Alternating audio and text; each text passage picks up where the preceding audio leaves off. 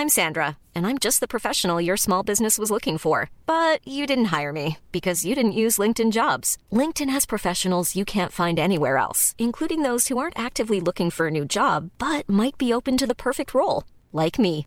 In a given month, over 70% of LinkedIn users don't visit other leading job sites. So if you're not looking on LinkedIn, you'll miss out on great candidates like Sandra. Start hiring professionals like a professional. Post your free job on linkedin.com/people today. Hey, it's Ryan Reynolds, and I'm here with Keith, co star of my upcoming film, If, only in theaters, May 17th. Do you want to tell people the big news?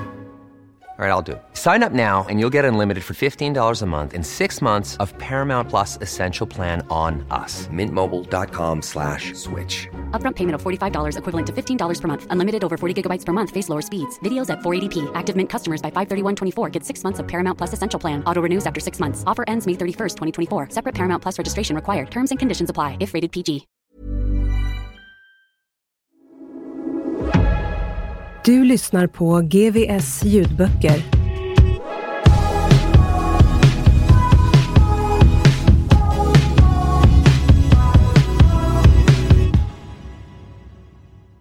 Nytt kapitel. I augusti 1994 kallades Anders Berntssons namn för andra gången upp på el och telelinjens upprop på Lindholmens gymnasium och den här gången kunde han närvara. Några veckor tidigare hade han i vanlig ordning kommit hem från ännu en sommar i Sheffield och strax innan skolstarten hade han fått beskedet om den utlovade träningslägenheten. Han bodde sedan några dagar tillbaka helt själv i en träningslägenhet på Drakblomegatan i Fyrklövern. Det hade visserligen varit kul att bo på Ramsäter. Aj hade delat en hel fyra med en annan kille. Men det var ännu bättre med en helt egen lägenhet. Om inte annat för att han kunde göra lite som han ville och det var lugnare att gömma saker när man bodde ensam. Efter flytten blev gymmet det ställe där Aje kände sig som mest hemma. Men det var inte längre GKKs lokaler som gällde. Under sommaren bestämde sig han, Oran och Jonas sig för att ta sin träning till nya nivåer och började hänga på Spartacus, ett gym inte långt från Ajes nya lägenhet. De tillbringade otaliga timmar på gymmet varje dag och blev snabbt populära. Mycket tack vare sina digra kunskaper om steroider. Var de inte på gymmet satt de hemma hos Aje och åt kycklingfiléer med ris, läste tidningarna BK Sport eller Flex och planerade sina nya träningskurer. Ajes närvaro i skolan sjönk drastiskt under hösten och de timmar som blev över mellan träningspassen gick till en nysatsning på det som skulle förbli hans enda riktiga långvariga intresse, att tjäna pengar. När jullovet kom hade han officiellt hoppat av skolan och försörjde sig på handel med i första hand steroider och i andra hand kokain och amfetamin. Kontakterna knöts på gymmet och gick sedan via alla de dörrvakter som tränade där vidare till Avenyn och ut i Göteborgs klubbliv. Högstadiets spontana byteshandel var ett minne blott. Nu handlade det inte längre bara om att finansiera sitt eget bruk och få lite extra pengar, utan att kunna försörja sig och få någorlunda regelbundenhet i affärerna. Aje mindes plötsligt om obligationer som hans föräldrar ibland nämnt när han var yngre. De hade vid ett tillfälle investerat 6 000 kronor som han skulle kunna plocka ut efter sin 18-årsdag. Det var visserligen inte så många månader kvar till dess, men Aje bestämde sig ändå för att ringa till sin mamma för att se om det inte gick att få ut pengarna lite tidigare. Eftersom Pauline numera hade ensam vårdnad om sin son lyckades hon efter ett par samtal till banken ordna med en fullmakt så att Aje kunde gå och hämta ut pengarna, trots att han inte var myndig. De 6 000 kronor som hans föräldrar en gång investerat i hans framtid hade växt till det tredubbla. Aje skulle under den kommande veckan i sin tur tredubbla pengarna, men med andra, inte lika lagliga metoder. Han skrev under pappret och bad banken skicka en kopia till hans mamma i Sheffield. På eftermiddagen redan samma dag knackade Aje på dörren till lägenheten där han hade stämt träff. Lägenhetens ägare öppnade dörren och släppte in honom. De gick in i vardagsrummet. Tjena grabben.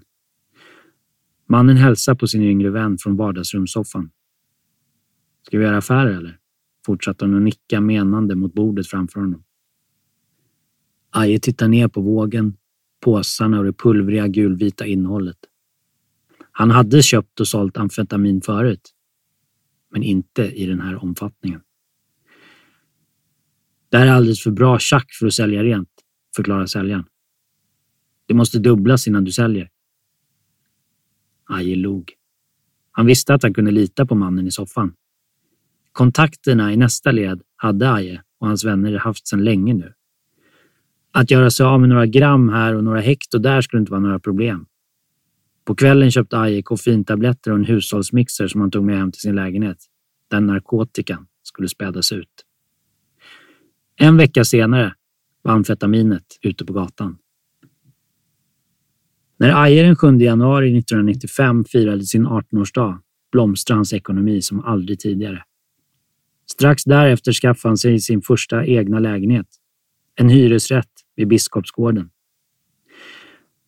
Förutom de mer riskfyllda narkotika och steroidaffärerna hade han nu skaffat sig ytterligare en säker inkomstkälla. Under hösten hade han gjort en upptäckt som inte bara hade öppnat upp för nya affärsmöjligheter, utan som dessutom gick att importera helt lagligt. Han hade som så ofta suttit nedsjunken i soffan och bläddrat i ett nytt nummer av tidningen Muscle and Fitness. Hans mamma skickar den varje månad från Sheffield eftersom hon visste att han gillade den och den var billigare i England. När han fastnat för ett reklamspäckat uppslag. En av annonserna marknadsförde träningspreparat som han kände till lite sedan tidigare. Det skulle tydligen hjälpa kroppen att återhämta sig snabbare och dessutom påskynda produktionen av tillväxthormon.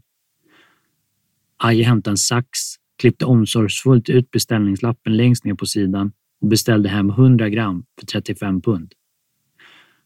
Allt som kunde hjälpa honom med hans träning var av allra största intresse.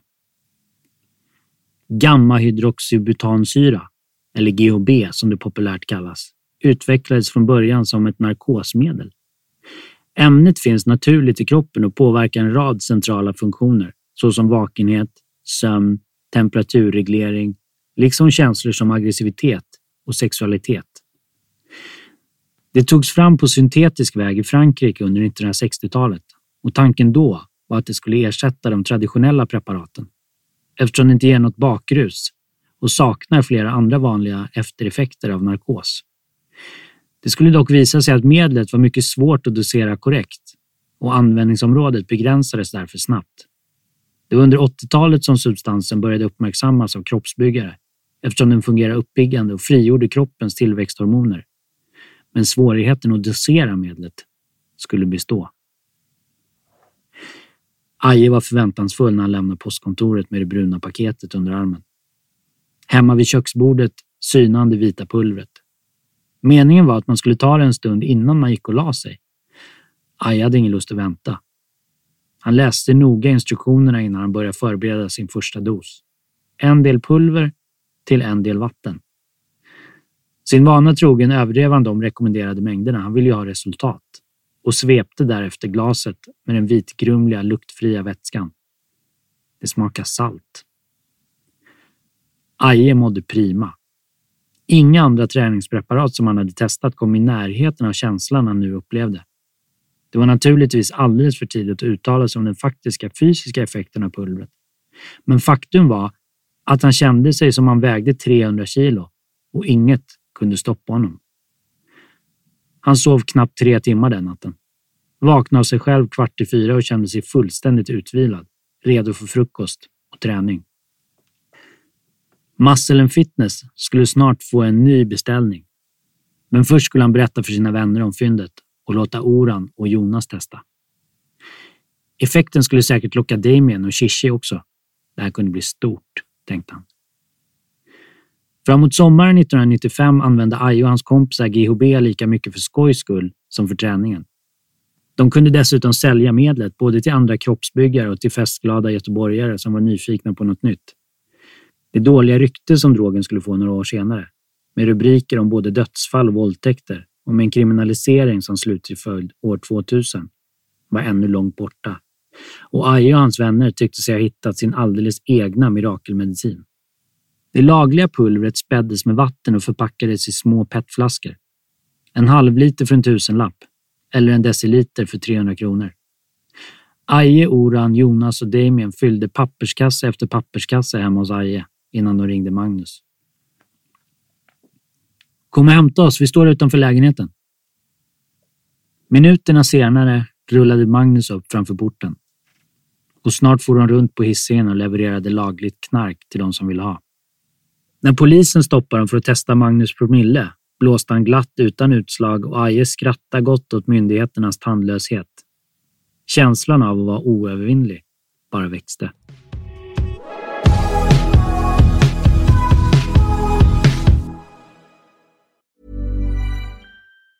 Even on a budget, quality is non-negotiable. That's why Quince is the place to score high-end essentials at 50 to 80% less than similar brands. Get your hands on buttery soft cashmere sweaters from just 60 bucks, Italian leather jackets, and so much more. And the best part about Quince, they exclusively partner with factories committed to safe, ethical, and responsible manufacturing. Elevate your style without the elevated price tag with Quince. Go to quince.com slash upgrade for free shipping and 365-day returns.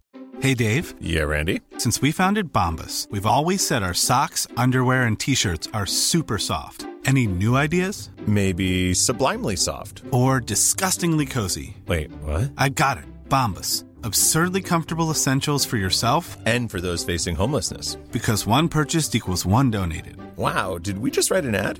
Yes. Bombas. Big comfort for everyone. Go to bombas.com slash ACAST and use code ACAST for 20% off your first purchase.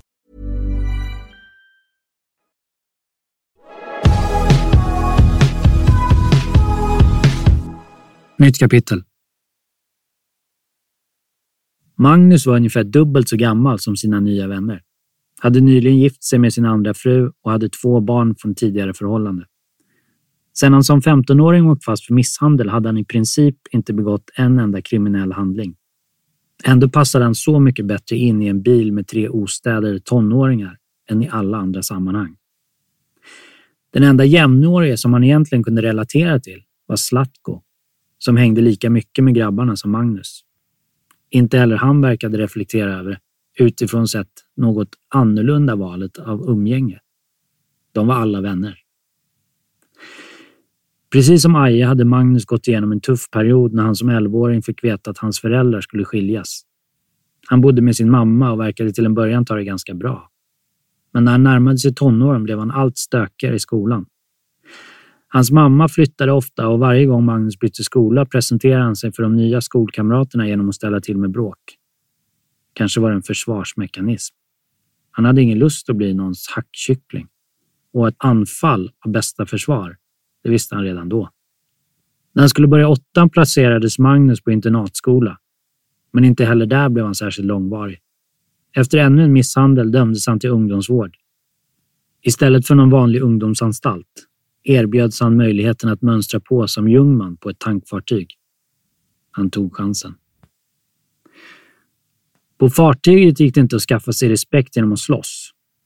De andra sjömännen var minst tio år äldre och tre gånger så starka.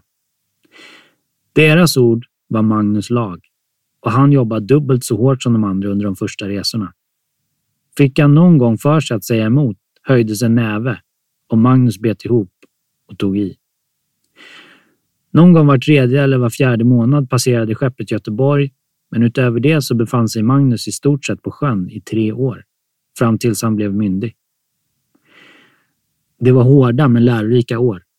Och även om Magnus många gånger hade drömt sig bort från sin lilla hytt så skulle han i efterhand aldrig ångra resan.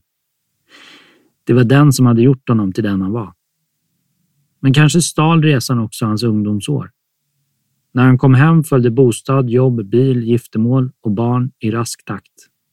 Inte heller det skulle han ångra. Men kanske skulle han under många år sakna den där perioden som vanliga ungdomar går igenom. Tonåren. Ett av Magnus första steg in i vuxenlivet efter hans hemkomst var ett fast arbete. Hans pappa ordnade så han fick börja på Salgrenska sjukhusets bårhus. De första kvällarna nere i gångarna under den resliga sjukhusbyggnaden skulle inte bara Magnus, utan även många andra göteborgare aldrig glömma. När mästerlots Kai Åderman hade tagit över rodret på bulkfartyget Star Clipper ute vid Marstrand hade sikten varit klar i den kyliga vinternatten. Det var först när skeppet närmade sig öarna kring Tjörn utanför Göteborg som dimman började rulla fram över vattnet. En stund innan det var dags att passera Almöbron som löpte mellan Källön och Almön saktades farten ner till cirka sex knop och babordsgiren runt Lilla Brattön gick utan problem. Men när det var dags för styrbordsgiren ner mot bron svarade plötsligt inte rodret. Fullt styrbord. Fortfarande ingen reaktion. Med 500 meter kvar till bron var båten nu på väg rakt in i det västra brofästet. Ett fungerande roder som av någon anledning inte svarar påverkas normalt positivt av ökad fart. Kai Åderman valde därför helt korrekt att ge order om ökad fart. Men rodret på Star Clipper fungerade inte som det skulle. Något som, skulle det framkomma många år senare, hade kunnat konstaterats redan vid utseglingen från Fredrikstad samma förmiddag. Informationen som aldrig nådde den svenska besättningen. Men bara några hundra meter kvar till brofästet och ett fullständigt stumt roder var katastrofen ett faktum. Det 27 000 ton tunga fartyget var på väg rakt in i den största av Tjörnbroarna. Klockan 01.29 den 18 januari 1980 stannade det elektriska skeppsuret på Star Clippers kommandobrygga. Då hade Kai Åderman som siste man i besättningen just hoppat ner från bryggvingen och tagit skydd in i fartyget, samtidigt som de första brodelarna rasade ner över båten. I princip hela vägbanan på nästan 300 meter störtade ner i det mörka havet och brostyckena slog tungt mot skeppets skrov. Besättningen klarade sig, men när raset väl var över tvingades Kai Åderman och hans kollegor ombord på båten motvilligt bevittna nästa katastrof. Trots nödrop från mästerlotsens personliga radio dröjde det innan räddningspersonal kom till platsen. På grund av isbildning kunde de inte själva ta sig i land med livbåtarna och stoppa trafiken. Från båtens däck såg besättningen ljusen från en bil närma sig brokanten. I panik skickade de upp nödraketer för att fånga förarens uppmärksamhet. Bilen stannade till, men fortsatte efter en stund tvekande rakt fram och vidare ut i luften. Enorma svallvågor spred sig kring bilen när den slog mot vattenytan. Ytterligare fem personbilar och en långtradare skulle falla de 45 metrarna ner i vågorna innan bron spärrades av.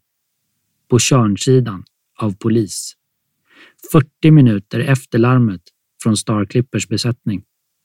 På andra sidan, redan efter en kvart, av en uppmärksam lastbilschaufför som hade anat oråd och ställt sin lastbil tvärs över vägen.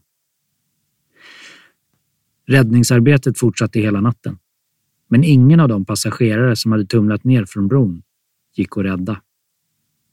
Sammanlagt åtta människor miste livet av de sju fordon som körde ut över brokanten, de flesta från Tjörnsidan. Under fallen roterade fordonen ett halvt varv i luften och deras tak slog med full kraft ner i havet. Döden var omedelbar. Magnus hade aldrig sett något liknande. Kropparna såg ut att ha slagits ihjäl med en gigantisk flugsmälla med enorma blåmärken som resultat. De invärtes skadorna var utan tvekan stora, men de öppna såren var få. Efter ett par års arbetslivserfarenhet skulle Magnus se likheter mellan de där första liken han tog emot på bårhuset efter Tjörnbrons fall och de som kom dit efter misslyckade fallskärmshopp. Under sin tid på Salgrenska blev han expert på att avgöra varför en kropp hade hamnat där. Han kunde ofta ganska enkelt avgöra om det var skotten, knivhuggen eller sparkarna som hade dödat offret, vilka vapen som hade använts och hur många kulor eller slag som hade krävts. Han kunde se skillnad på om brännskadorna på det identitetslösa liket kom från en eldsvåda, en explosion eller om kroppen helt enkelt dränkts i bensin och tuttats på. Magnus jobb handlade vare sig man ville det eller inte väldigt mycket om vad som dödade en människa. Trots hans traumatiska första möte med arbetsplatsen skulle han bli kvar där i närmare två decennier. Nytt kapitel. Det var trångt och spänd stämning i den orangea Volvon. Aje, Damien, Jonas och Mauri satt i baksätet och kunde inte dölja sin förtjusning när de närmade sig hotellet mittemot Johanssons krog bakom Backaplan. Det var nästan helt fullt på parkeringen, men de lyckades hitta en plats. Det vimlade av folk utanför. Någon fick syn på en kille som de kände igen från en annan Göteborgsklubb. Kolla, där är han från DM. Oran, du kommer knäcka honom den här gången. I framsätet bredvid Magnus satt Oran och log. Visst var han nervös, men utåt sett var han betydligt lugnare än sina kamrater. Trots att det bara var hans andra tävling och trots att det faktiskt var Sverigemästerskapen. SM i styrkeluft 1995 pågick under två dagar och innefattade både senior och juniormästerskap i flera viktklasser. Damien och Oran hade varit och tittat på tävlingarna första dagen. Idag var i princip hela GKK där och Oran visste mycket väl att det var han som var anledningen. Zlatko var självklart där för att stötta. Kjelle, bodybuildern som kanske mest var känd för sin roll som antihjälten Lord Humungus i filmen Mad Max 2, var också på plats. Först att ta emot ungdomarna när de hoppat ut ur bilen var dock Maskot, som skulle hjälpa Oran att värma upp innan det var dags för hans klass. De försvann snart iväg till ett avskilt rum där de tävlande och deras coacher samlades. Aje, Damien, Jonas och Mauri gick till hotellreceptionen och det intilliggande tävlingsrummet. Aje var stolt över sin vän. Oran hade en disciplin, talang och vilja när det gällde träning som han själv bara kunde drömma om. Oran hade de senaste åren varit som en storebror för Aje. Han var bara ett år äldre och huvudet kortare. Men han kände ansvar för Aje och hade tagit honom och flera av deras andra vänner också för den delen under sina vingar. Det var inte bara hans utseende som låg bakom smeknamnet Tyson. Han var en fruktad slagskämpe och bra att ha på sin sida om det blev bråk. Han stod alltid längst fram och backade inte för någon. Men han hade också en mjukare sida. Kom ofta över och hälsade på Aje och gjorde honom sällskap eller lagade middag. Den här dagen var minst lika betydelsefull för Aje som den var för Oran. Aje, Damien och Jonas stod i tävlingslokalen och väntade på nästa klass när Mauri kom och knackade dem på axlarna. I handen höll han två tomma träningsväskor. Hörni, kom.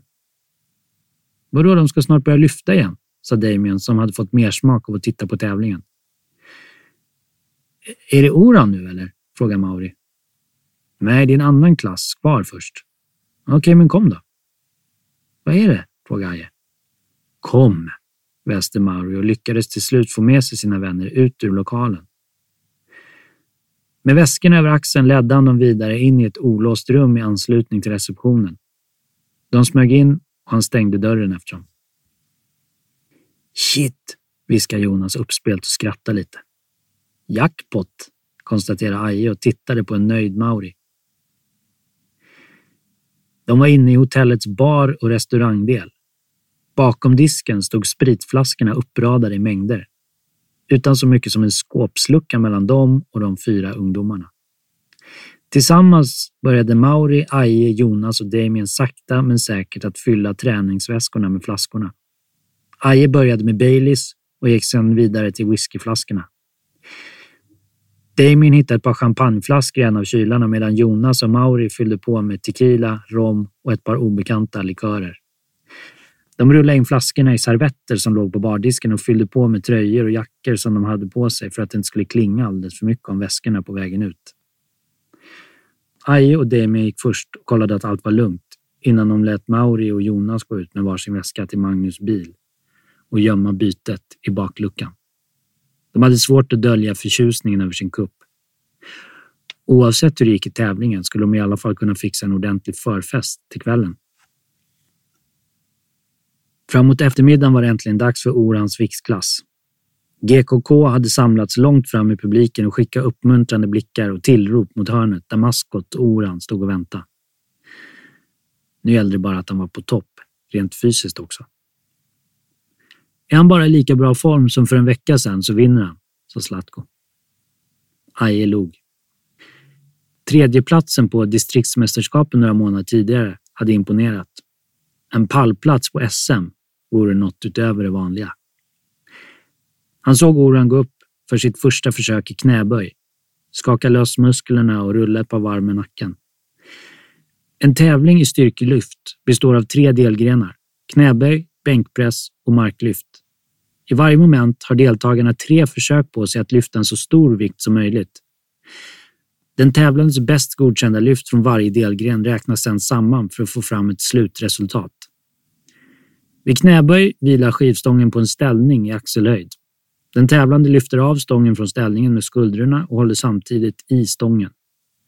På domarens signal böjer lyftaren sedan sina knän och sin höft tills lårets övre muskelfäste är lägre än knäna.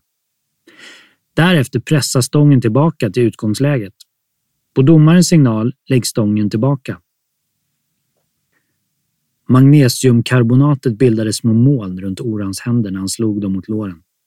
Sträckte på ryggen och greppade skivstången bakom sitt huvud. Två andetag senare lyfte han av stången och lät den vila på skuldrorna i väntan på domarens signal. När den kom böjde han sina knän innan han lät sina muskler explodera och skjuta upp vikterna igen. Aje kunde inte förstå hur mycket kraft som kunde få plats i en så kort kropp. Det gick ett sus genom publiken och från Orans personliga hejaklack kom påhejningarna i kör. Kom igen Oran! Ta dem! Ta hem hela skiten nu! Samtidigt såg Aje hur stången sakta gled bakåt ur Orhans grepp samtidigt som hans axlar följde med bakåt. Vikterna föll till marken med en duns och studsade tungt mot mattan. Bom på första. Oran såg besvärad ut och gav sina kompisar i publiken en sträng blick. Han lyfte höger pekfinger och satte den mot sina läppar. Shh. Han vände sig mot domarna och bad dem lägga upp på ytterligare vikter. Aje tittade upp på Zlatko som inte rörde en min. Inte heller Maskot sa något medan tyngderna adderades till stången på golvet. När Oran lyfte av stången för sitt andra försök i knäböj var det fullkomligt tyst i publiken. Det enda som hördes var Orans tunga andetag som övergick till frustningar och sedan ett utdraget skrik när viktstången nådde sin topposition och lades tillbaka i ställningen efter domarens signal. Aje kollade på domarlamporna. Godkänt. Jubel. Yes! Snyggt, Oran! Kom igen nu! Oran mottog applåderna med ett snett leende och begärde in ytterligare vikter. Han bommade inte en enda gång till under de timmar som tävlingen varade. Redan efter hans andra lyft i tredje momentet marklyft var saken klar. Orhan Ynal var svensk mästare. Aje, Damien, Jonas, Mauri och de andra tävlade om vem som kunde komma först fram och hylla sin hjälte. Nu skulle det firas. Magnus suckade tungt när han någon timme senare släppte av ungdomarna hos Mauri och insåg varför de hade så bråttom runt till hans baklucka när han stannade bilen. Där låg ju ett helt barskåp och väntade.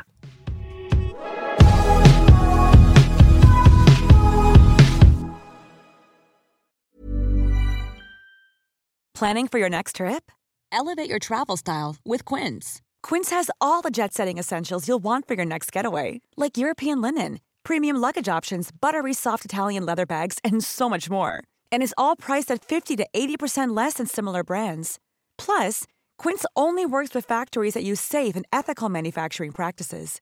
Pack your bags with high-quality essentials you'll be wearing for vacations to come with Quince. Go to quince.com/pack for free shipping and 365-day returns.